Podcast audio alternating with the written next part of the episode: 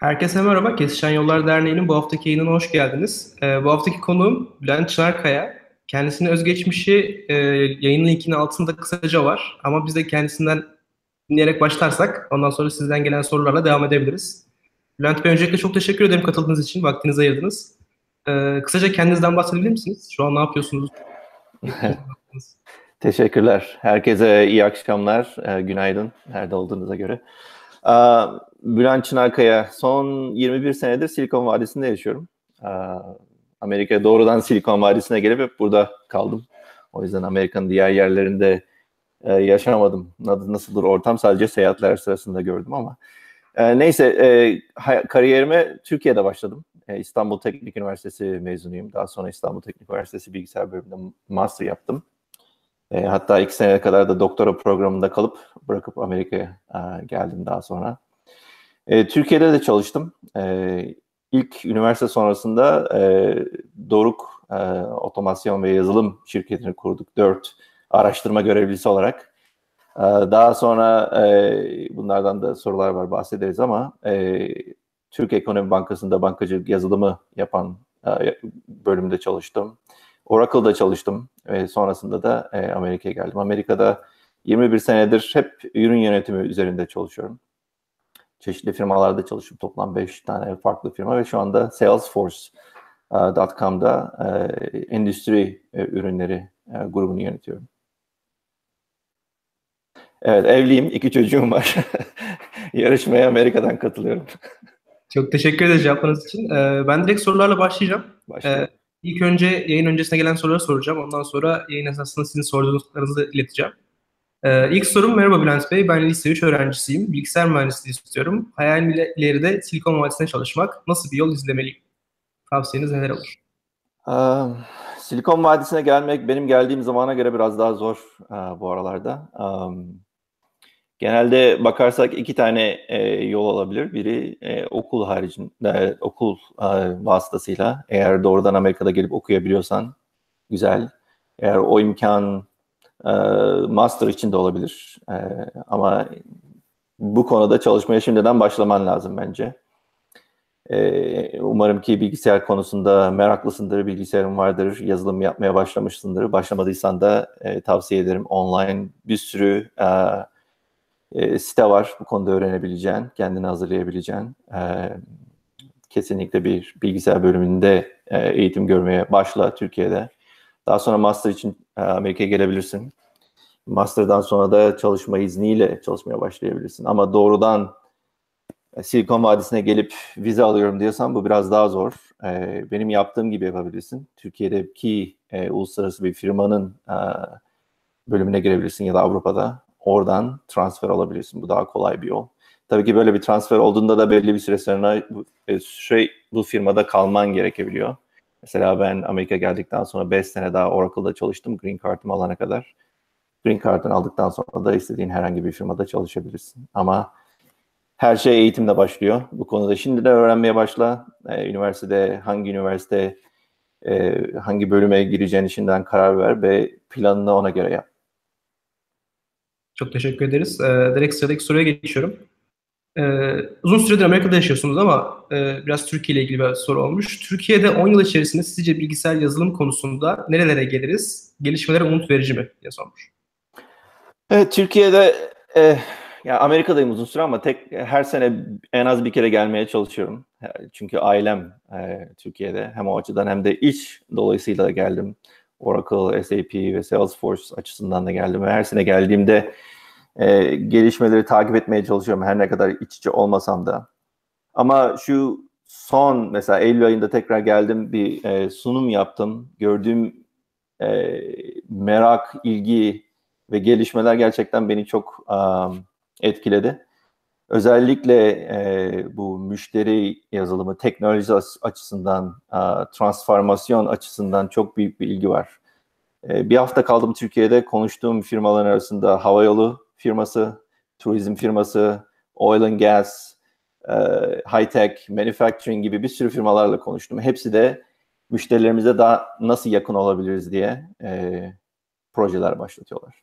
Bu bu konuda da en büyük istekleri yeterli elemanın olmadığı Türkiye'de.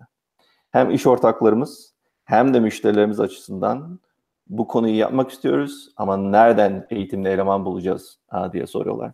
Tabii ki bakarsanız Türkiye'de genç um, nüfus oldukça yüksek, üniversite mezunu nüfus da oldukça yüksek. Bu konuda eğitimli eleman bulamıyoruz demeleri biraz çelişkili bir e, durum. Peki nerede bu mezun olan insanlar? Çoğu yurt dışında olabiliyor. Ya da bu e, alanda, bulut bileşimi alanında e, eğitim almamış ya da hazır olmamış olabiliyorlar. O yüzden e, şu anda Türkiye'deki iş ortaklarımızla birlikte ve üniversitelerle ilgili birlikte bir program e, başlatmaya çalışıyoruz. E, daha üniversiteden mezun olmadan öğrencilerimiz e, bu konularda e, eğitilsinler. Mezun olduklarında hazır iş teklifleri olsun e, diye çalışmaya başlatıyoruz. So, evet. Teşekkür ederiz. Ee, sıradaki sorum, bilgisayar bilimleri okumuşsunuz ama genelde ürün yönetimi üzerine çalışmışsınız. Mühendislikten yöneticiliğe geçişiniz nasıl oldu? Evet aslında ikisini de yaptım en başta mesela um, özellikle kendi şirketinizi kurduğunuzda e, ne gerekiyorsa yapılıyor olması lazım. Hatta ilk başlarda daha çok yazılımcı olarak çalıştım a, diyebilirim. Örneğin şirketi kurduğumuzda dört araştırma görevlisi olarak kurduk. 1990'da kurduğumuzda internet daha az bilinen bir durumdu. Mesela Türkiye'de e, üniversite arası internet ağını yöneten bölümde çalışıyorduk ve bunun gelecek olduğunu görüp kurduk. Ama kurarken tabii e, herkes bilgisayar mühendisi, pazarlamadan anlayan, satıştan anlayan e, kişilerle kurmadığımız için biraz zorluk çıktı. Um, o zamanlarda daha çok yani yazılım ne gerekiyorsa onu yaptık. Daha sonra e, ürün mühendisliği, e, ürün yöneticiliği daha çok Amerika'da a, a, başladı. E, yaptığım ürünlerde tasarlamayı da sevdiğimi fark ettim. Hem user interface olsun ya da müşterilerle konuşmak, onların e, isteklerini e, dile getirmek. Avantajım şu oldu çünkü e, mühendislik tarafından gelip olayı yazılımla başladım. Müşterilerle konuşunca tekrar yazılımcılara e, bu konuyu anlatmak benim için biraz daha doğal ve kolay oldu. Sadece e, müşteri tarafından başlamış olsam ve onu nasıl yazılım yapılacağını hayal edemesem o bir e, herhalde zorluk getirebilirdi. O açısından teknik product manager olarak başlayıp e, product manager'la devam ettim. O yüzden sevdiğim bir konu. Çünkü devamlı yeni müşterilerle, yeni e, ürünlerle uğraşmak e, güzel bir şey. Ve aynı zamanda teknik tarafa da bağlı kalıyorsunuz. O yüzden sevdiğim bir konu. Teşekkürler cevabınız için. Ee, sıradaki sorum, Türkiye'de girişimciliğin hiç konuşulmadığı yıllarda Dorknet'i kurmuşsunuz. Karşılaştığınız zorluklar nelerdi? Dışarıdan bakarak ülkemizin girişimcilik konusunda ilerlediğini düşünüyor musunuz? Tabii ki o zamanlarda hiç venture capital diye bir şey yoktu Türkiye'de. Tamamen kendi cebimizden koyduğumuz paralarla kurduk firmayı. Ee, tabii ki o kurduğumuz zaman e, gerçekten böyle hani Amerika'da duyarsınız ya garajda başlattık falan gibi. O açıdan başlamış bir firmaydı. Um, şimdi gidip baksam daha değişik e, bir şekilde kurardık herhalde. Çünkü şirket kurduğunuzda kesinlikle ortaklarınızın e, bir şekilde birbirini tamamlıyor olabilecek şekilde seçilmesi lazım. Biz tamamen aynı profilde dört ortak e, kurduk şirketi. Çok güzel bir şekilde yazılımımızı yaptık. Piyasaya sürdük. Ama dediğim gibi e, sadece yazılım yapmak işin sadece bir, bir kısmı. Bunu nasıl pazarlayacaksınız, nasıl satacaksınız, business plan ne olacak, CFO'nuz kim gibi e, sorulara e, cevap e, düşünmedik açıkçası. Üniversiteden mezun olup bir şirketi kurduk. Çok da eğlendik, güzeldi. O yüzden benim e, maceram o şirkette iki sene kadar devam etti. Çünkü param bitti iki sene sonunda. Ama diğer e, ortaklarımız devam etti. Hatta şu anda Doruknet gayet e, hala e, devam eden başarılı bir firma ve genel müdürü kurucularından e, biri hala e, genel müdür olarak devam ediyor. E, o zamanlar dediğim gibi e, Türkiye'de böyle bir e, venture capital e, durumu olsaydı, bir mentorship olsaydı herhalde e, daha hızlı bir şekilde firma ilerleyebilirdi ya da daha değişik durumlara gelebilirdi. O günden bugüne baktığınızda Türkiye'de pek çok başarı örneği var. Özellikle e-commerce alanında gördük. Yurt dışındaki firmalara satılan Türk firmaları da var. E, ama genel olarak Türkiye'deki yatırım ülkenin durumuna göre de e, değişiyor. Sonuçta diğer yurt dışı firmaları bir ülkeye yatırım yaptıklarında genel olarak e, profile bakıyorlar. İnsan e, gelir kaynaklarına ya da risk faktörlerine bakıyorlar. O yüzden ülkenin ekonomisi ne kadar iyiyse e, bu konudaki e, başarılar da o şekilde daha iyi oluyor. Teşekkürler. Ee, az önce söylediğiniz istinaden bir soru geldi. Silikon Vadisi'ne bir şirkete transfer olarak gelebilmek için transferden önce şirkette ne kadar çalışmak gerekiyor? Minimum yıl sayısı oluyor mu? Siz Oracle'da transfer olmadan önce ne kadar çalışmıştınız? O şirketine göre değişiyor tabii ki. Yani e, insanlar bir şekilde sizi işe alıyorsa e, hemen Amerika'ya göndermek için işe almıyorlar. E, bir şekilde bulunduğunuz e, e, grupta belli bir süre hizmet vermenizi bekliyorlar. Genelde bu iki sene kadar olabilir. Ama ben Oracle'a girdiğimden açıkçası biraz şanslıydım herhalde. 8 ay sonra e, Amerika'daki grupta tekrar e, başladım. Tabii ki girdiğiniz şirketin büyüklüğüne de bağlı. Büyük şirketlerde bu gibi transferler biraz daha kolay.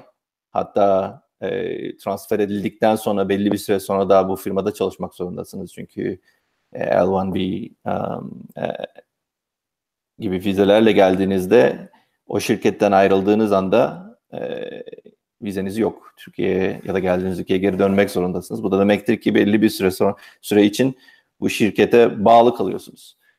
E, küçük bir firma ise hep aynı işi yapabiliyor yapıyorsanız e, ya da büyük bir firma ise başka gruplara geçip bu süre içini de en iyi değerlendirip nasıl yeni şeyler öğrenebiliyor olmanızı da e, düşünmek lazım. Dediğim gibi şirketlerin politikası farklı. E, ama iki sene gibi bir e, süre çalışmak gerekir diye düşünüyorum. Çünkü genelde Silikon Vadisi'ne baktığınızda iki sene e, average yani ortalama iki sene sonra insanlar başka gruplara geçiyor, iş değiştiriyorlar. İki sene sonra kimse daha fazla illaki kalacaksın diye bakmıyor. Teşekkür ederiz. Sıradaki sorum e, Amerika'ya geldikten sonraki hayatınızda Türk olduğunuz için herhangi bir kolaylık veya zorlukla karşılaştınız mı? Herhangi bir avantajı veya dezavantajını gördünüz mü? Hmm. Ben biraz geç yaşta geldim Amerika'ya gerçi. Geldiğimde 28 yaşındaydım. Ee, o yüzden 28 yaşına gelen bir insanın belli bir e, hayat tarzı, alışıklıkları ya da e, sorumlulukları oluyor. O yüzden o gibi zorluklar oluyor. Ama eğer genç yaşta, üniversite sonrası ya da üniversite zamanında geldiğinizde bu e, dönüşüm ya da alışma olayı daha kolay olabilir. Ama bir avantajım Silikon Vadisi'ne geliyor olmamdı. Silikon Vadisi ilginç bir yer. Yani burada hiç kendimi yabancı gibi hissetmiyorum. O açıdan e, güzel bir durum. E, Amerika'nın başka yerlerinde gelmiş olsam belki bunu hissedebilirdim diye düşünüyorum. Burada çünkü dünyanın her yerinde insan var. E, size yabancı diyecek insanlar da yabancı. Sonuçta herkes e, bir melting pot şeklinde e, güzel bir ortam. E, kolaylık Türk olduğum için bir kolaylık görmedim ama zorluk da görmedim. Yani sonuçta her koyun kendi bacağından asılıyor gibi bir durum burası. Tek e, farklı gelen e, kısım daha çok bireysel bir hayat var burada. Türkiye'de eşimiz, dostumuz, akrabalarımız, sosyal destek ortamı varken burada e, kendi başınızdasınız. Bir şekilde kendi başınızın çaresine bakmak durumdasınız. O e, ilginç bir durum. Zorluk, e, bunun haricinde başka bir zorluk yok. Bir tek trafiği buranın çok kötü. Teşekkür ederiz. Ee, sıradaki soruyu soruyorum. Product çok basit bir soru ama e, çok genç arkadaşlarımız da var izleyen. Product Manager ne yapar? Mühendislik yapan biri nasıl bir yoldan Product Manager olabilir? Mühendislikten Product Manager'a geçmenin en kolay yolu, yolu teknik bir ürün bulmak. Çünkü teknik üründe sizin e, mühendislik e, bilgileriniz, eğitiminiz, tecrübeniz daha faydalı. O açıdan e, o transition'ı yapmak daha kolay. Ama Product Manager sonuçta bazı firmalar daha çok engineering, mühendislik yanı daha yat, üst, üstün öne çıkan bir firma. Bazı firmalarda daha çok product manager'lar olayı e, yürütüyorlar. Benim daha çok çalıştığım firmalarda hep product manager'lar ürünün e, CEO'su olarak e, görülmüş durumda. Sonuçta e, siz grubu temsil ediyorsunuz, müşterileri temsil ediyorsunuz. Ürünün başarılı ya da başarısız olmasının e, sorumluluğu e, biraz product manager'da kalıyor. O yüzden eğer yeni bir ürün yapıyorsanız e, piyasa analizi yapmak, e, ne kadar bir potansiyel opportunity var, ne kadar e, iç gücüne ihtiyaç var e, bu konu yapmak için. Ne kadar sürecek bunların planlarının hepsini product manager'ın yapması lazım. ya da daha ileriki aşamalarında ürünün e, daha nasıl scale edeceği, e, daha çok kişiye nasıl hizmet verebileceği product manager'lık için önemli. Bir anda hiç müşteriniz olmadan ürün geliştirmekten binlerce müşterinizin olup aynı zamanda yeni e, özellikler de ekleme durumu daha değişik bir aşaması ürünün. O yüzden müşteriye yakın olmak, müşterinin ne istediğini e, ürünü geliştiren e, gruplara anlatabilmek product manager'lığın e, en en önemli e, fonksiyonu. Teşekkürler. Şu an chatten bir soru geldi, direkt iletiyorum. Silikon Vadisi'nin sizin için anlamı ne? Sizin için ne ifade ediyor? diye sormuş. Bilgisayar mühendisi olarak burası tabii ki sanki bu olayın Mekke'si gibi. Küçükken e, büyüdüğümüzde kullandığımız programlar e, ya da e, donanımların hepsi burada. 20 dakika gidip işte Apple e, bir saat gidiyorsunuz başka bir firmaya. Her yerde gördüğünüz bu işin e, temelinde olan bütün firmalar burada. Aynı zaman aynı zamanda da e, yeni kurulan firmalar için network e, ya da e, ne derler yatırım olması açısından burada olmalarının e, büyük önemi var. Sonuçta yüzde 90 olay buradan başlıyor. Teşekkürler. Bilmiyorum doğru ee, yeteri kadar bir cevap verdim ama yani eğer bilgisayar mühendisisiniz burada olmayı istemeniz lazım. Kesinlikle katılıyorum ben de. Ee, sıradaki sorum sizi bu noktaya getiren sizce en önemli faktör ne oldu hayatınızda? Valla her şey şans sonuçta. Doğru zamanda doğru yerde olmak gibi. Um, dediğim gibi ben Amerika'ya um, gelmek gibi çok bir hayalim, amacım yoktu. Uh, dediğim gibi geç bir yaşta da geldim aslında. Uh, ama bir şekilde Türkiye'deki ortamda kendi şirketimle çalışıyordum. Aynı zamanda işte master ve doktora programını yapıyordum. Bir, bir yandan Türkiye'de biliyorsunuz zorunlu askerlik var, o falan filan derken e, insanlar kendilerine böyle bir şekilde artık burnout edebiliyor. Belli bir yaşa geldiğinizde artık önünüzdeki engelleri kaldırmak istiyorsunuz. Askerlik hep böyle bir e, yapılmamış bir aşama kalsın istemiyorsunuz. E, baktım doktorada da a, akademik olarak çalışmayı istemiyorum. Ya doktorayı bıraktım o açıdan. Sonuçta e, iş hayatında da ya da özel hayatınızda da böyle hep bir engel oluyor. E, askere gitmek ya da paralı askerlik yapmak gibi iki durum vardı. Ben açıkçası dedim 3 sene gidip yurt dışında çalışayım. Dönüp paralı askerliğimi de yapıp hayatıma devam edeyim artık. Bu engelleri önümden kaldırayım. O amaçla geldim doğruyu söylemek gerekirse. 3 ee, sene burada çalışıp geri dönecektim. Ve hiç burada kalmak falan gibi bir niyetim yoktu. Ama 3 sene uzun bir süre burada kalıp alışıp e, iyi taraflarını görüp e, kalıyorsunuz. Özellikle e, eşim de Amerikalı. E, bir şekilde burada hayatı kurduk e, ve kaldık. Teşekkür ederim. Ee, sıradaki sorum peki 10 sene, 15 sene geriye dönseniz farklı yapardım dediğiniz noktalar var mı? Var tabii ki eğer e, eğer hayalinizde gelip Amerika'ya yerleşmek varsa bunu ne kadar çabuk yaparsanız o kadar faydası var. Dediğim gibi ben 28 yaşında gelince e, belli bir, bir 10 sene kadar bir süreyi kaybetmiş durumdayım. 10 sene geriden başlamış.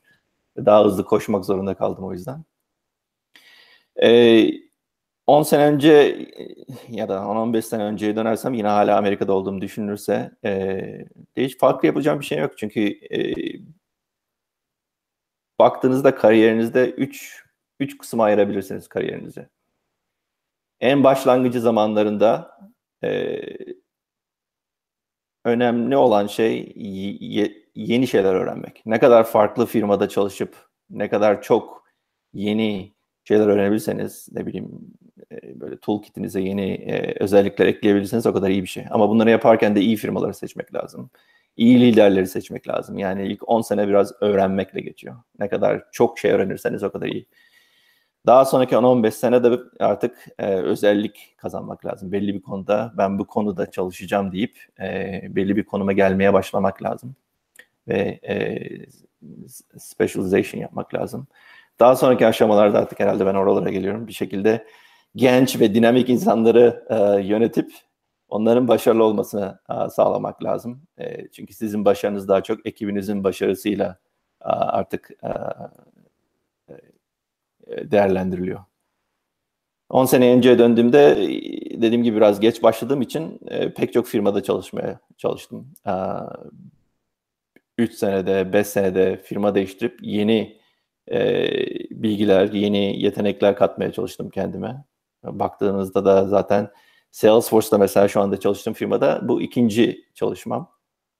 Burada bir tabir vardır boomerang diye. Hani Avustralya silah atıyorsunuz geri dönüyor. Ee, ama hiç pişman değilim ilk girdiğimde. Gayet küçük bir firmaydı. 5 ee, sene çalıştım. Baktım ki bazı kısımlarda aynı şeyi yapmaya başladığım için ayrıldım. Başka firmalarda çalıştım. Startuplarda çalıştım. Ee, daha sonra e, geri döndüm. Bir daha bir önemli bir şey de e, hangi firmada çalıştığınız yanı sıra kimlerle çalışıyorsunuz ve hangi projelerde çalışıyorsunuz bu da çok önemli. O yüzden iş seçerken e, çalıştığınız ekibi, e, müdürünüzü ve projenizi e, iyi seçin.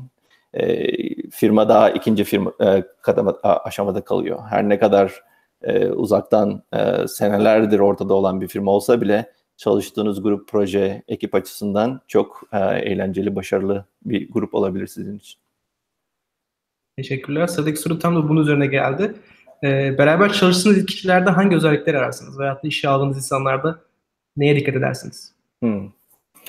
Ee, şu aşamalarda bizim işe aldığım, yani benim işe aldığım product manager'lar özellikle çalıştığım e, bölüm endüstri ürünleri. O yüzden e, hem teknik hem de endüstride e, bilgisi olan insanları e, almaya çalışıyorum. Çünkü yaptığımız e, iş e, şirketimizin ürünlerini alıp ne bileyim e, bankacılık ya da sağlık ya da e, retail gibi konularda yeniden hayal etmek, bu, bu, bu e, endüstrilere, bu ürünleri e, daha iyi bir şekilde sunmak. O yüzden endüstri bilgisi önemli. E, daha çok yeni mezun insanlar değil, biraz çalışmış, e, e, bu konuda tecrübe edinmiş insanlara bakılıyor. E, benim şu andaki grubumda. Ama Mesela seçerken bakalım nasıl interview yapıyoruz. Genelde bir iş problemi veririz bizim interview ettiğimiz insanlara. İki hafta bir süre veririz. Gelip bize sunuş yapmasını isteriz. Bu sunuşu yaptığı ekipte mevcut ekipteki ve değişik çalıştığımız gruplardaki insanlar böyle panel şekilde gelip dinler. Bu bir saatlik bir sonuçtur. E, bu sonuçu yaparken daha çok e, nasıl sunum yapılıyor, probleme nasıl yaklaşmış, nasıl çözüm öğreniliyor ve önerilen çözüm e, tabiriyle yani boil the ocean böyle her şey e, mi istiyor ya da e, iyi bir şekilde en az minimum viable product nasıl tanımlanmış şekilde bakılıyor. Ve daha sonra birer tek tek interview yapıyor. Benim yaptığım interviewlerde genelde düşünce e, stilini anlamaya çalışıyorum. Ekibime uyum sağlayıp sağlayamayacağını anlamaya çalışıyorum. Ve sonuçta e, çok uzman olmasa bile e, daha çabuk öğrenebilen, e, probleme akıllı bir şekilde yaklaşan insanları seçmeye çalışıyorum. Teşekkür ediyorum. Ee, sıradaki sorum, Salesforce'da Product Manager olmak ile Oracle'da olmak arasında büyük bir fark var mı demek istemiş. Ne gibi farklar var demiş. Ee, geçiş süresinde zorluk yaşadınız mı? Zorluk yaşamadım. Sonuçta product management'ın temel ilkeleri hep aynı. Ama sonuçta e, biraz farklı. Çünkü Salesforce %100 e, cloud computing. Sonuçta bizim on-premise ya da müşterinin alıp kendi e, serverlarına yükleyip çalıştığı bir ürünümüz yok. Her şey cloud computing olunca product manager olarak müşterilerinizin ürününü kullanıp kullanmadığını çok daha çabuk bir şekilde öğrenebiliyorsunuz. Ve Salesforce'da yaptığımız ürünlerde senede 3 e, versiyonunu sunuyoruz aynı ürünün ve müşterilerimiz otomatik olarak bu versiyonu upgrade ediliyor.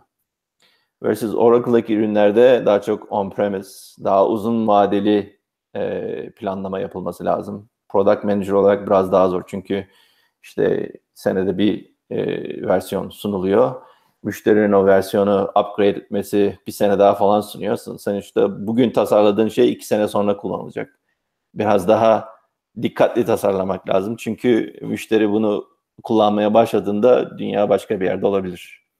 Versus uh, Salesforce'da genelde şu anda tasarladığın 3 ay sonra kullanıma geçiyor ve anında kullanıp kullanılmadığını öğrenebiliyorsun. Product manager'lık o yüzden biraz daha kolay e, müşterilerinin ne istediği a, açısından. Ama onun haricinde temel ilkeler aynı. Müşterinin ne istediğini bilmek, bunu e, en iyi şekilde değerlendirip hangi e, priority'de e, sunmak e, bunlar a, ana a, özellikleri. Teşekkürler cevabınız için. Peki şu ana kadar çalıştığınız firmalar arasında en keyif aldığınız firma hangisiydi?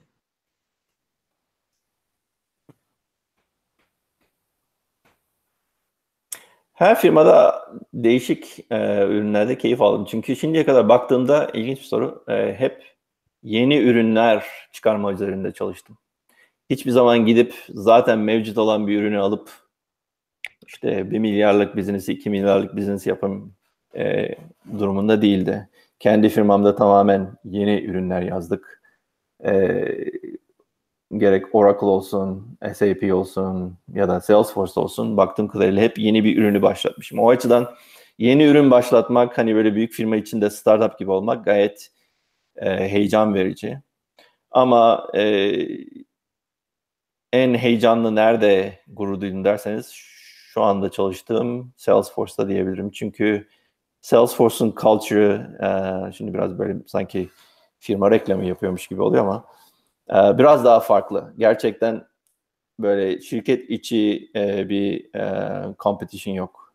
Eğer ürününüz bir şekilde onay aldıysa bütün firma ürününüzün arkasında sizin arkanızda destek verecek şekilde yardım ediyor. E, bu şekilde başarılı olursa e, onun verdiği e, tatmin çok büyük. Teşekkürler. Ee, sıradaki soruyu soracağım. Biraz girişimcilikle alakalı olmuş ama sizin de girişimcilik tecrübeniz olduğu için e, ilgili diye düşünüyorum. Girişimcilere Silikon Vadisi'nde ilk aşamalarda gelmeyi tavsiye eder misiniz? Yoksa işi biraz büyüttükten sonra Silikon Vadisi'ne geçiş yapmaya çalışmaları mı tavsiye edersiniz? diye sormuş. Evet bence birkaç tane Türk firmasıyla böyle konuşuyoruz. Arkadaşlar var. Ne zaman doğrudur, ne zaman gelmek diye. Ee, eğer ürün tamamen Amerikan Amerika marketine yönelikse tabii ki en kısa zamanda gelmenin faydası var ama ürün globalse daha çok e, e, test edip müşteri e, edinip daha sonra gelmek bence daha başarılı. Çünkü gidip e, e, bir şekilde yatırım e, yapmak için sonuç e, veriyorsanız ürünümüz var ama kimse kullanmıyor ve başka bir ülkeden geliyoruz demek biraz daha zor. Versus ürünümüz var iki senedir kullanılıyor işte başarılar bu şu gibi e, e, aşamalardan geçtik. Şimdiki bir sonraki aşamamızda e, Amerikan marketine açılmak biraz daha e, kolay bir e, konuşma. Ama tamamen ürüne bağlı sonuçta. Katılıyorum ben de kesinlikle. Sıradaki sorum sizce bilgisayar mühendisliği ve girişimcilik konusunda en iyi öğrenci yetiştiren üniversiteler hangileri? ABD'de çalışmak için iyi bir üniversiteden mezun olmak şart mı? ABD'de çalışmak için iyi bir üniversiteden mezun olmak şart mı? Tabii ki faydası olur. Ee, şart e, demem. Çünkü ben bir örneğim. Sonuçta Amerika'da iki üniversiteden mezun olmadım.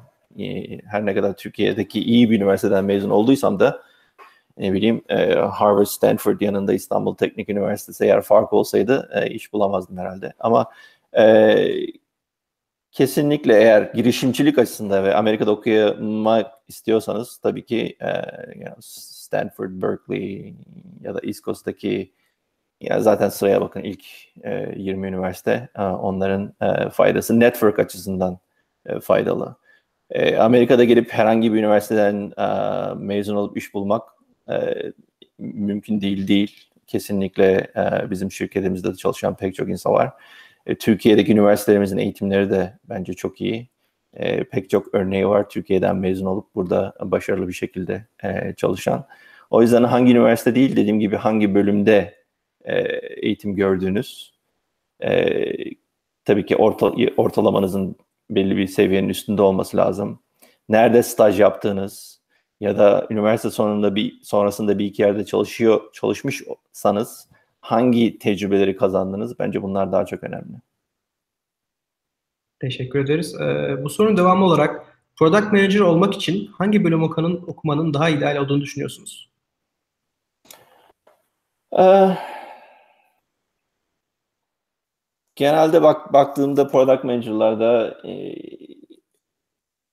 eğer teknik bir ürünse gerçekten bilgisayar mühendisliği okumanın faydası var. E, teknik bir ürün değilse daha çok olay business tarafa e, yöneliyor. MBA gibi e, eğitimlerinde faydası var. Teknik okuyup daha sonra MBA yapmak bence best of both world e, daha da iyi. E, ama işin temelini bilmek genelde mühendislerle beraber çalıştığınız için bir teknik background olmasının bence e, avantajı var diğer product manager'lara göre. Teşekkürler. Ee, peki Silikon Vadisi'nin en sevdiğiniz ve en sevmediğiniz birer özelliğini söyleyebilir misiniz? Sevmediğim özelliği gerçekten hayat çok pahalı. trafik çok kötü. Ee, İstanbul'da da trafik e, çok iyi değil ama en son zamanlarda işte metroydu, e, tünellerdi, köprülerdi falan biraz daha iyileşmiş. Ama burada mesela ben 60 mil uzakta oturuyorum iş yerimden. San Francisco'dan. E, düşünün hiç e, trafik olmadığı zaman bir saatte gidebilirsiniz. Ama günde ortalama minimum gidiş süresi 2 saat bazen 3 saat bile sürüyor. Yani günde 4 saat minimum yolda geçiyor hayatınız. Bu gerçekten sevmediğim bir durum. Ee, en sevdiğim taraflardan bir tanesi de burası ana merkez olması. Sonuçta e, çok fazla sayıda bu konuda teknoloji konusunda, yazılım konusunda firma burada hem iletişim, networking açısından hem de, iş imkanları açısından e, gerçekten e, unik bir yer yani. Teşekkürler. Ee, bazı soruların daha önce cevaplamıştık ama o arkadaşlar yayının başından seyrederlerse soruları cevap bulacaklardır. Mesela bir tanesi yurt dışına çalışmaya nasıl başlamıştınız? Kısaca tekrar üstünden geçmek ister misiniz? Ha, yurt dışında dediğim gibi 3 e, sene çalışmak için planla e, Oracle'a girdim. Oracle'da belli bir süre çalıştıktan sonra L1 e, vizesiyle e, Amerika'ya transfer oldum. Daha sonra da işte Oracle'da kalarak Green Card'ımı alana kadar çalıştım. Daha sonra da başka şirketlerde çalışmaya devam ettim. Dediğim gibi iki tane e, yol var. Biri master yapmaya gelebilirsiniz. Master'dan master sırasında bile staj yapabilirsiniz firmalarda. Genelde mesela bizim şirkette her sene stajyer öğrenciler geliyor. Bu stajyer öğrencilere projeler veriliyor staj sırasında. Mezun olduklarında o öğrencilere e, gösterdikleri başarıya göre hem okulunda hem de staj sırasında iş teklifleri verilebiliyor. Bu e, ilginç bir durum. E, diğeri de e, uluslararası firmanın Avrupa'da ya da Türkiye'deki e, bölümlerine girip belli bir süre sonra e, orada çalışıp transfer olmak. Doğrudan H1 vizesi almak gerçekten çok zor. On binlercelik kontenjana yüz binlercelik e, başvuru olup ilk günde e, sonuç şey e, kontenjan kapanıyor. O yüzden ger- gerçekten e, zor o şekilde gelmek. Teşekkür ederiz. Ee, sırada bir soru sormuş. Az önce yine bunu cevapladık. Ee, Product Management için hangi bölüm daha iyi gibi bir soru sormuşlardı. Bilgisayar mühendisi demiştiniz ama Türkiye'de endüstri mühendisliği de çok popüler bir meslek ve şu an bir arkadaşımız Ali Pembe sormuş. IT şirketlerinde Product Management için endüstri mühendisliği mi yoksa bilgisayar mühendisliği mi daha mantıklı diye sormuş. Sonuçta eğer yeni başlıyorsanız yani son bizim mesela bölümde çalışanların herkesi bilgisayar mühendisi diye e, bir durum değil. Yani o yüzden bir e, e, yanlış bilgi vermiş olmayayım. Sonuçta ne kadar zeki olduğunuza, ne kadar bu konuda kendinizi yetiştirdiğinize de bağlı. Ne bileyim e, edebiyat okumuş insanlar bile var sonuçta. E, Salesforce'un kurucularından bir tanesi, yani ikisi de bilgisayar mühendisi değil açıkçası. Ama e, özellikle IT teknik konularda bilgisayar mühendisliği gibi bir eğitiminiz varsa bunun size faydası olur. E, yoksa bu gibi bilgileri daha sonra öğrenmek öğrenmeniz e, gerekiyor. Teşekkürler. Ee, sıradaki sorum e, ürün müdürlüğü yaparken en sıkıntılı kısmı ne oluyor? Yani ürünü baştan en sona kadar hazır hale getirene kadar ki en zorlu süreç veyahut da en zorlu kısım hangisi diye sormuş. Değişik aşamalarda değişik zorluklar var. İlk başta başladığınızda gerçekten bir şekilde bir business plan yapmanız lazım. Diyorsunuz ki işte şu gibi bir problemi çözeceğiz. Markette şu şöyle bir ihtiyaç var. Business opportunity işte şu kadar uh, milyon dolar değerinde, şu kadar süre sürecek bizim için bir şekilde e, VC'den gidip e, destek almak gibi yönetiminizden gidip desteği almanız lazım. E, bu onay verildikten sonra ürünü tasarlayıp müşterilerle bunu paylaşıp belli bir seçilmiş müşterilerle gerçekten e, diğer insanların satılıp alıp alamayacağınızı e, onay e, de, e, test etmeniz lazım. Bunların hepsi yapılmadığında ürün çıktığında başarısız, başarısız olunca e, hem süre hem de insanların e, verdiği e, yine emek e, kötü yola gitmiş oluyor. O yüzden product manager olarak ilk aşamalarda gerçekten validate etmek yani test etmek ve nasıl bir ilgi göreceğini bilmek e, çok önemli. Ürün çıktıktan sonra bir sonraki e, versiyonlarda neler eklenecek bunu müşterilerle devamlı e, iletişimde olmak lazım. Nasıl kullanıyorlar ürününüzü? Daha çok bu sefer e, data science giriyor işin içine ve müşterilerle olan toplantınız, customer advisory board gibi meetingler giriyor. Bir şekilde artık sıfırdan yapmıyorsunuz. Hem müşterileriniz var hem de yeni müşteriler almak istiyorsunuz ve bunları nasıl e, prioritize edeceksiniz? Hangisi daha önemli, hangisi daha sona yapılmalı, hangi aşamalarda yapılmalı? Bence bu e, gerçekten e, önemli bir aşama. Ve bir sonraki aşamada da artık olay scale, yani ürününe bağlı. E, ne bileyim consumer ürünü yapıyorsanız milyarlarca kişi kullanmaya başlıyor ürününüzü. E, ya da enterprise ürün yapıyorsanız hangi şirketler kullanıyor, hangi aşamalarda, e, onlar için ne önemli? Daha çok müşterilere verdiğiniz, e, onları nasıl empower ettiğiniz önemli. Değişik aşamalarda değişik zorlukları var. Teşekkür ederim cevabınız için. Sıradaki sorudan iki tane geldi benzer olarak. Ee, ben uzun versiyonu soracağım çünkü kısa da kapsıyor. Salesforce'da çalışmaktan en Salesforce çalışmaktan en memnun olan şirketler arasında gördüğüm kadarıyla hep listelerin üstünde oluyor. Salesforce'da çalışma ortamı nasıl? Sizce çalışanların memnuniyetinin en büyük sebebi ne? Evet, bu Salesforce'da dediğim gibi ikinci kez e, gelişim. Diğer büyük firmalarda da çalıştım. Tekrar buraya gelmiş olmam da zaten e, bunun bir örneği. E, bu şirketi iyi bir şirket olduğu için e, geldim. Dediğim gibi Salesforce'da diğer firmalarla karşılaştırdığımda bir internal uh, yani e, şirket içinde bir ürünle birbirine rekabet yok. Bir üründen bir tane var. Yani iki tane farklı grup aynı ürünü geliştirmiyor. O yüzden e, daha avantajlı. Diğeri de e, gerçekten zeki insanları e, bir şekilde işe e, çekiyor. Zeki insanlarla çalışmak gerçekten zevkli bir şey. Çünkü birbirlerini devamlı e, ileriye doğru götürmeye çalışıyor üçüncü kısmı da gerçekten e, hem elemanlarına hem de bulunduğu e, topluma değer veren ve geri vermeye çalışan bir firma. Mesela kurulduğunda 1999'da e, bir tane de non-profit foundation kuruldu. Şirketin gelirinin yüzde biri, hisselerinin yüzde biri ve elemanlarının çalışma saatinin yüzde birini bağışlı bulunduğu ortamlara bağışlamak. O yandan bu yana milyonlarca dolar, e, binlerce saat e, bağışlanmış durumda. Çalışanlar bir şekilde bulunduğu e, neredeyse ofisleri, bulunduğu e, toplumlara bir şekilde e, her ay 6 saatlerini şirketin e, verdiği ödemelerle birlikte e, bağışlayabiliyorlar ve şirket bunu destekliyor.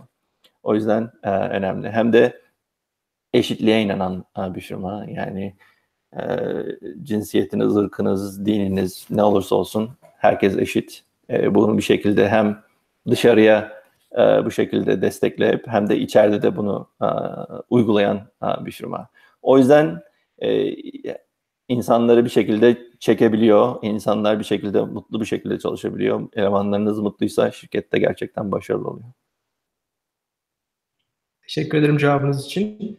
Peki e, Salesforce'daki ürün yöneticiliği mülakatları için neler beklemeliyim, neler tavsiye edersiniz diye sormuş. Evet dediğim gibi genelde bir panel e, sunumu yapılıyor. Daha sonra da tek tek e, e, interview'lar oluyor. Eğer e, yazılım şey e, engineering konusunda interview'sa onlar biraz daha farklı. Onlar gerçekten yazılım e, testleri falan da yapıyorlar ama ürün yönetiminde genelde biz bir e, business problem veriyoruz. Ne bileyim bankacılık konusunda olsun ya da sağlık konusunda olsun e, bir pain point verip bir şekilde bunu gelip bize sunmasını istiyoruz. E, bu sunumu yaparken olaya, probleme nasıl yaklaşılmış, e, problemi nasıl tanımlıyorlar, e, hangi bir çözüm öneriyorlar, bu çözümü önerirken hangi e, özellikleri hangi şekilde, hangi sırada ya, yapılmasına önem veriyorlar. Sunum e, da nasıl başarılar, odaya nasıl hakimler, paneli cevaplarına nasıl, sorularına nasıl cevap veriyorlar bunların hepsi bakılıyor. Daha sonra da tek tek interview'lar ediyor. Interview'larda insanların değişik rolleri var. Bazı insanlar sizi teknik bilgi açısından e, e, test etmeye çalışıyor. Bazı insanlar sizin e, e, functional bilginizi test etmeye çalışıyor. E, daha yüksek e, konumlardaki insanlarda da interview'larda genelde sizin nasıl düşündüğünüzü, e, ekibe uyum sağlayıp sağlayamayacağınızı, daha çok karakterinizi anlamaya çalışıyorlar. E, bu soruya ek olarak sorayım o zaman. Sizin e, mülakatlarda sorduğunuz veyahut da duyduğunuz, beğendiğiniz, aklınızda kalan bir soru var mı şu an? Abi, benim mülakatlarda hiç öyle e, duyarsanız Google'da ya da Facebook'ta böyle trick question'lar falan e, o gibi sorular sormuyorum ben. Daha çok e, insanın nasıl düşündüğünü, probleme nasıl yaklaştığını e, anlamaya çalışıyorum. O yüzden benim interview'larım genelde mülakat gibi geçiyor. E, o insanı tanımaya çalışıyorum. Öyle genelde işte e, bir coffee grinder'a kaç milyon tane bir şey sığdırırsın falan gibi sorularla uğraşmıyorum.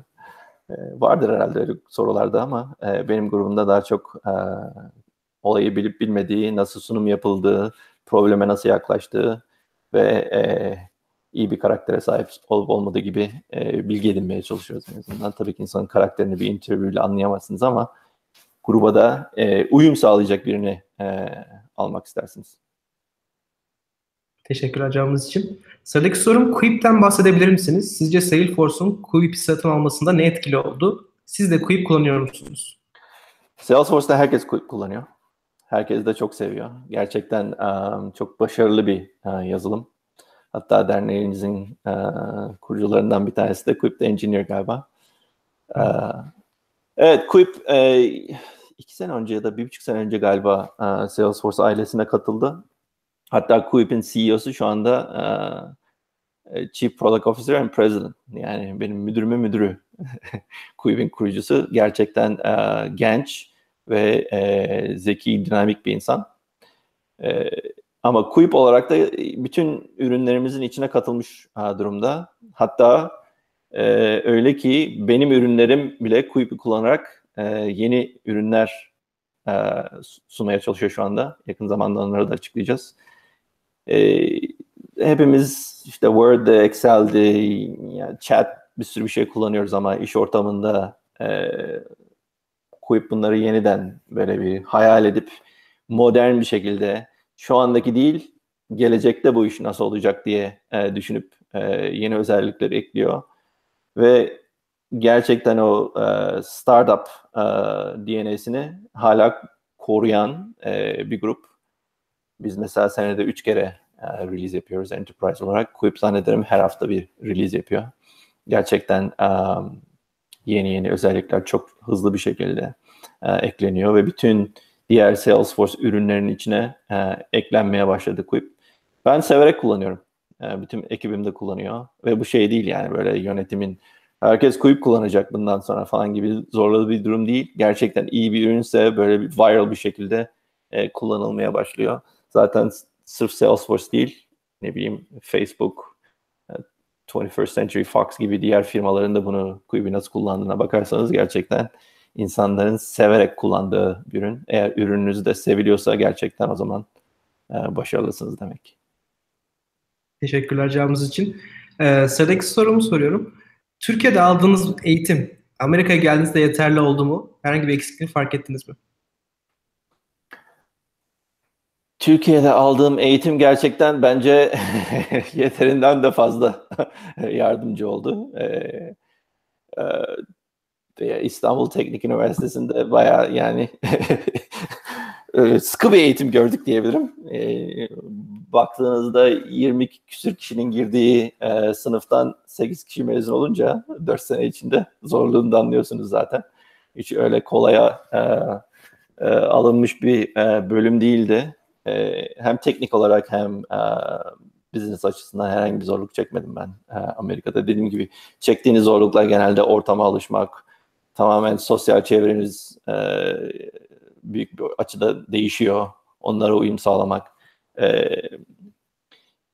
tek öğrendiğim yeni bir şey de burada e, feedback nasıl veriliyor onu öğrenmek. Genelde böyle Türkiye'deyken nasılsa aklına nasıl gelirse öyle direkt söylerdim ve bu şekilde de beklenirdi. Burada biraz daha dikkatli feedback vermek gerekiyor ee, insanların e, kalbini kırmadan. O açıdan onu öğrendim. Gerçi kötü, kötü bir şey değil bence. Herkes öyle feedback vermek durumunda. Ama eğitim açısından bence e, Türkiye'de çok başarılı üniversitelerimiz var. Yani o açıdan kimse e, daha az e, gibi düşünmesin. Teşekkür ederiz. Yayının başında e, yeni mezun bir öğrencinin direkt piyasaya hazır olarak başlayacak bir şekilde eğitilmesinden bahsetmiştiniz. Siz şu an program ekleyecek olsanız bilgisayar bilimleri ya da bilgisayar mühendisliğinin programına hangi dersi eklemeyi şart gördünüz? Veya hangi ders eklemeyi tavsiye edersiniz? Um, açıkçası şu anda hangi dersler var onları bilmiyorum. Belki eklemişlerdir de. Ama kesinlikle faydası olabilecek şeyler e, bence şirketlerle ortaklık kurulup e, o şirketlerin teknolojilerini daha mezun olduktan sonra değil de hala okul devam ederken ders olarak e, optional bile olsa sunmak gerçek gerçek güzel bir şey. E, böylece mezun olduğu insan yani e, seçebilirsiniz hangi açıda çalışmak istiyorsanız o gibi teknolojide hala okurken hem ders hem de hazır olmak güzel bir şey. Mezun olduğunuzda daha doğru bir plan olarak ha, devam edebilirsiniz. Bir diğeri de e, her ne kadar e, MBA böyle business administration gibi şey olsa bile bir e, business planning gibi bir ders eklemek bence güzel bir şey. Yani nasıl competitive analysis yaparsın, e, nasıl market tem analysis yaparsın, e, nasıl priority edersin ya da nasıl sunum yaparsın bu şekilde hazırlamak e, yazılımcı bile olsan bence e, herkesin e, fayda görebileceği bir konu bir şekilde ders olarak eklense bence güzel olur. Sanırım vardır herhalde. Benim zamanımda yoktu. Benim bildiğim kadarıyla şu an yok. Yani ek olarak seçmeli olarak alabiliyorlar. Hiç değilse benim bildiğim birkaç üniversitede.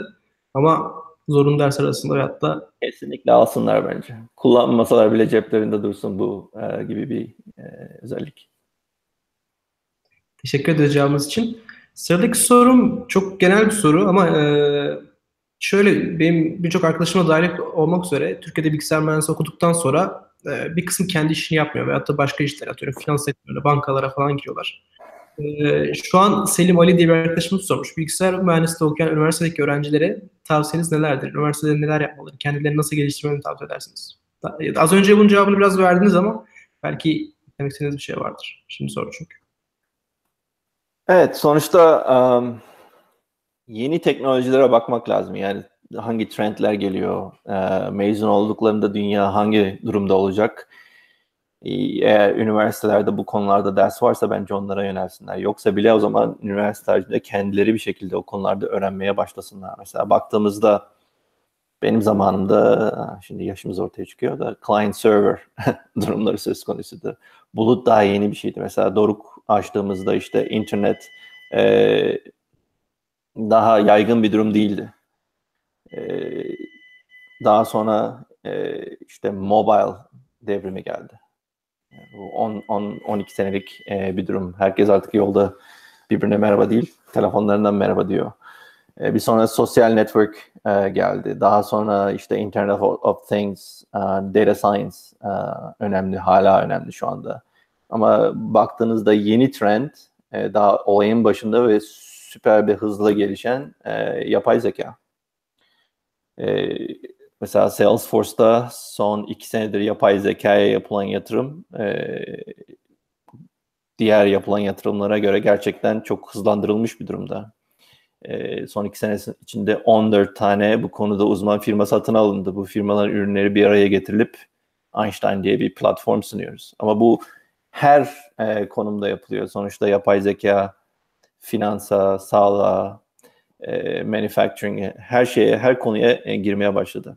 Eğer üniversitelerde bu konuda dersler varsa bence e, o dersleri almalarını tavsiye ederim. Yoksa bile e, ona göre plan yapsınlar master programlarında ya da e, online e, konularda. Bir şekilde mezun olduğumda ne yapmak istiyorum diye plan yapmaları lazım. Ve o yapmak istediklerine nasıl erişecekleri için adımları ve e, şimdiden almaya başlasınlar bence. Teşekkürler. Yapay zekadan bahsetmişken ben kısaca e, önümüzdeki hafta pazarki yayından bahsedeyim isterseniz. Ufak bir reklam gibi olacak ama e, haftaya Ece Kamar'la bir yayınımız var. Kendisi burada Microsoft araştırma departmanında çalışıyor. Artificial Intelligence, yapay zeka üzerine. E, Harvard'da yine bilgisayar bilimleri üzerine doktorasını almış biri. Ekler takip ederseniz haftaya da kendisiyle yayınımız var. Ona da sorularınızı sorabilirsiniz. Süper. Bir de bulursanız e, blockchain konusunda bir uzman getirin. O da yeni trendlerden bir tanesi. O da var. Coinbase'den biri var ama biraz daha önümüzdeki haftalarda daha açıklamadık. Onu da açıklarız. ee, ek olarak bir şey daha söyleyecektim.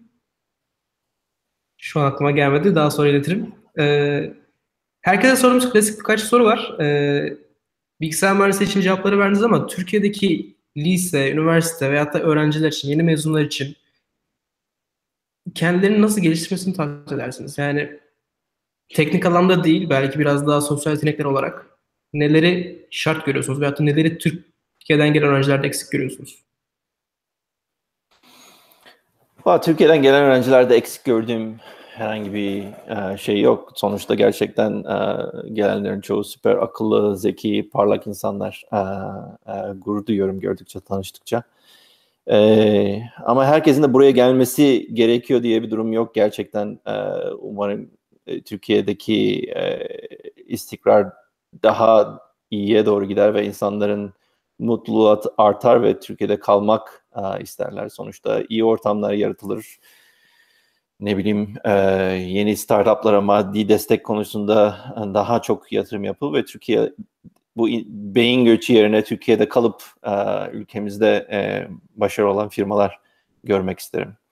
Ama dediğim gibi sonuçta e, illa yurt dışına bilgisayar mühendisiyim yurt dışına gitmem gerekiyor e, diye bir şey yok. Dediğim gibi e, son bir senedir konuştuğum firmalar hem müşteri hem o iş ortaklarımız kesinlikle bir eleman eksikliğinden bahsetmek e, bahsediyorlar devamlı. Beraber çalışalım, üniversitelerle çalışalım, e, üniversitedeki insanların nasıl e, mezun olduklarında hazır hale getirelim diye. Ve bu konuda yapılan etkinlikler herhangi bir ücrete tabi olmayacak. Sonuçta bir sürü firma, biz sadece bunlardan birisiyiz. Aynı şekilde e, eğitilmiş eleman yetiştirmeye e, çalışıyor. Bu fırsatları değerlendirmek lazım. Artı çağımız öyle bir şey ki internet üzerinden e, pek çok bilgi, eğitim e, almak mümkün. Örneğin Salesforce'da biz Trailhead diye yeni bir platform e, kurduk. Trailhead'de Salesforce ile ilgili her şeyi online öğrenebilirsiniz. Öğrendiğiniz her şey için de bir tane e, badge alıyorsunuz. Ve bu badge'inizi bir şekilde e, certification gibi e, LinkedIn profilinizde koyabilirsiniz. Ve bunlar sadece e, okuyup sınav yapmak değil, e, pratik olarak da e, yapmanız mümkün. Çünkü cloud computing herhangi bir software e, yazılımı yüklemenize gerek yok. E, yapılan bu e, eğitim sırasında her türlü gereken e, bilgi, software size e, online olarak sunuluyor. Diğer firmalar da bunları yapıyor. Dediğim gibi e, hangi konuda çalışmak istiyorsanız bence şimdiden o planı yapıp bir şekilde e, aşama aşama e, bu planı e, uygulamaya e, koyun. Sonuçta e, bence en iyi şey attırıp bir kalem kağıt alıp bir 5 yıllık plan yapmak. Bir diğer bir şey de belki e, Salesforce niye diğer firmalardan daha iyi gibi bir soru vardı. Orada e, sormayı unuttum. Salesforce'un bir diğer avantajı bütün firmanın bir şekilde e, aynı plan üzerinde çalışmıyor, çalışıyor olması. Bu e, bizim CEO'muzla başlıyor. İlk şirketi kurduğundan beri her sene yaptığı bir uygulama. V2MOM diye bir metot kullanıyor. V2MOM şey anlamına geliyor. Vizyon, vision values, değerler, metotlar, obstacle'lar, ne gibi engeller var önümüzde ve metrikler, başarımızı nasıl ölçeceğiz diye. CEO'muz senenin başında bütün firma için bunu yazıyor bu dokümanı. Ve bu herkese diğer bölümlere doğru e, e, trickle down ediyor. Ve e, şirket içinde herkesin bu yıllık planı e, herkesin okuyabileceği bir şekilde publish ediliyor. Bizim bu Facebook gibi chatter var e, şirket içinde. Yani ben gidip e, toplantı yapacağım kişinin V2 mamına bakabiliyorum. Onun için ne önemli, hangi şeyleri yapması gerekiyor ve nasıl başarılı olacağını öğrenip ona gibi nasıl yardım edebileceğimi, onun bana nasıl yardım edebileceğini anlıyorsunuz. Sonuçta bütün şirket bir şekilde align edince gerçekten olay execution'a kalıyor. Yani nasıl bunu e, e, gerçekleştireceksiniz. Bence herkes kendi hayatı, kariyer içinde bir V2 mam yapması lazım. Nereye gelmek istiyorum? Değerlerim nedir? Çünkü ön değerlerinizden vazgeçmemeniz lazım. Hangi metotları yapmam lazım? Önümdeki engeller nedir? Nasıl kaldıracağım bunları ve başarılı olduğumu nasıl anlayacağım? Eğer bunu döktüğünüzde kağıda gerçekten sizi zorluyor düşünmeniz için e, her sene de fine tune edebilirsiniz ama böyle bir planınız olması hem hayatınız için, iş hayatınız için bence gerçekten faydalı. Mesela benim oğlum liseye gidecek seneye. Oturup V2 yapacağız onunla birlikte. Liseden sonra ne yapacağı konusunda. Kesinlikle çok yararlı bir bilgi oldu bence arkadaşlarımız için. Ben de öğrenmiş oldum. ben Benim de kafamda vardı ama hiç böyle kağıt üstüne yazılı yoktu. Ben de en yakın zamanda yapmayı düşünüyorum. Teşekkür ederiz. Ee, son 3-4 dakikamız kaldı. Çok bir iki soru var. Hızlıca ileteyim. Ee, Salesforce blockchain konusunda herhangi bir yatırım var mı? Ee, ne düşünüyor? Tarz bir soru gelmiş. Hı hı. Bu endüstri grubu olarak bizim grup bu konuda e, birkaç tane proof of concept konusunda çalışıyoruz. Ee, şu anda birkaç e, firmalarla birlikte bu bahsetmiştim de ürünün başlangıcında market opportunity nedir, hangi firmalarla alıp onu onaylayabilirsiniz ya da test edebilirsiniz diye o aşamalardayız şu anda. Ee, bakalım senede her sene e, Dreamforce diye bir eventimiz var. Bütün müşterilerimiz dünyanın her yerinden geldiği. Amacımız önümüzdeki Dreamforce'da bu konuda biraz daha bilgi vermek, ne konularda çalıştığımızı anlatmak. Şu anda daha çok incubation aşamasında çok fazla bilgi veremiyorum ama çalışmalar var. Teşekkür ederiz. Selim Ali bu arada az önceki soru cevabınız için teşekkür etmiş. Ben de ileteyim kendisine. Ee, Ali Pembe son bir soru sormuş. Türkiye'de İTİ, ODTÜ gibi bilinen okullara nazaran diğer okullarda mühendis eğitimi alıp yurt dışında yüksek lisans yapmada önümüzde bir zorluk olur mu? diye sormuş. Hiçbir zorluk olmaz zannetmiyorum.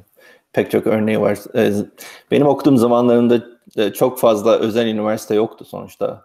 Belli bu saydığınız üniversitelerden bahsediyorduk ama şimdi e, gerçekten başarılı dünya çapında da e, ilgi gören belli bir seviyeye gelmiş bir sürü üniversitemiz var. Bence hepsi gerçekten kaliteli eğitim veriyor ve pek çok örneğinde görüyoruz yani. Teşekkür ederim. Ee, süremizin sonuna geldik. Ben son olarak şey eklemek istiyorum. Yayın hakkında yayını izleyen öğrenciler veya da insanlar geri bildirimde bulunmak istiyorlarsa Facebook'ta postun altına bir link ekliyoruz. Siz de geri bildirimde bulabilirsiniz. Nasıl beğendiniz mi, beğenmediniz mi, eksik yanları nelerde veya da ne olsun, ne değişsin, ne görmek isterseniz tarzı soruları cevaplarsanız e, biz de kendimizi geliştirebiliriz. E, izleyenlere çok teşekkür ediyorum. Size de vaktinizi ayırdınız pazar günü. Çok teşekkürler. Ben de herkese çok teşekkür ederim. Ben teşekkürlerimi. Ee, bir sonraki yayında haftaya görüşmek üzere. Kendinize iyi bakın. İyi akşamlar Türkiye'dekilere. Bye bye.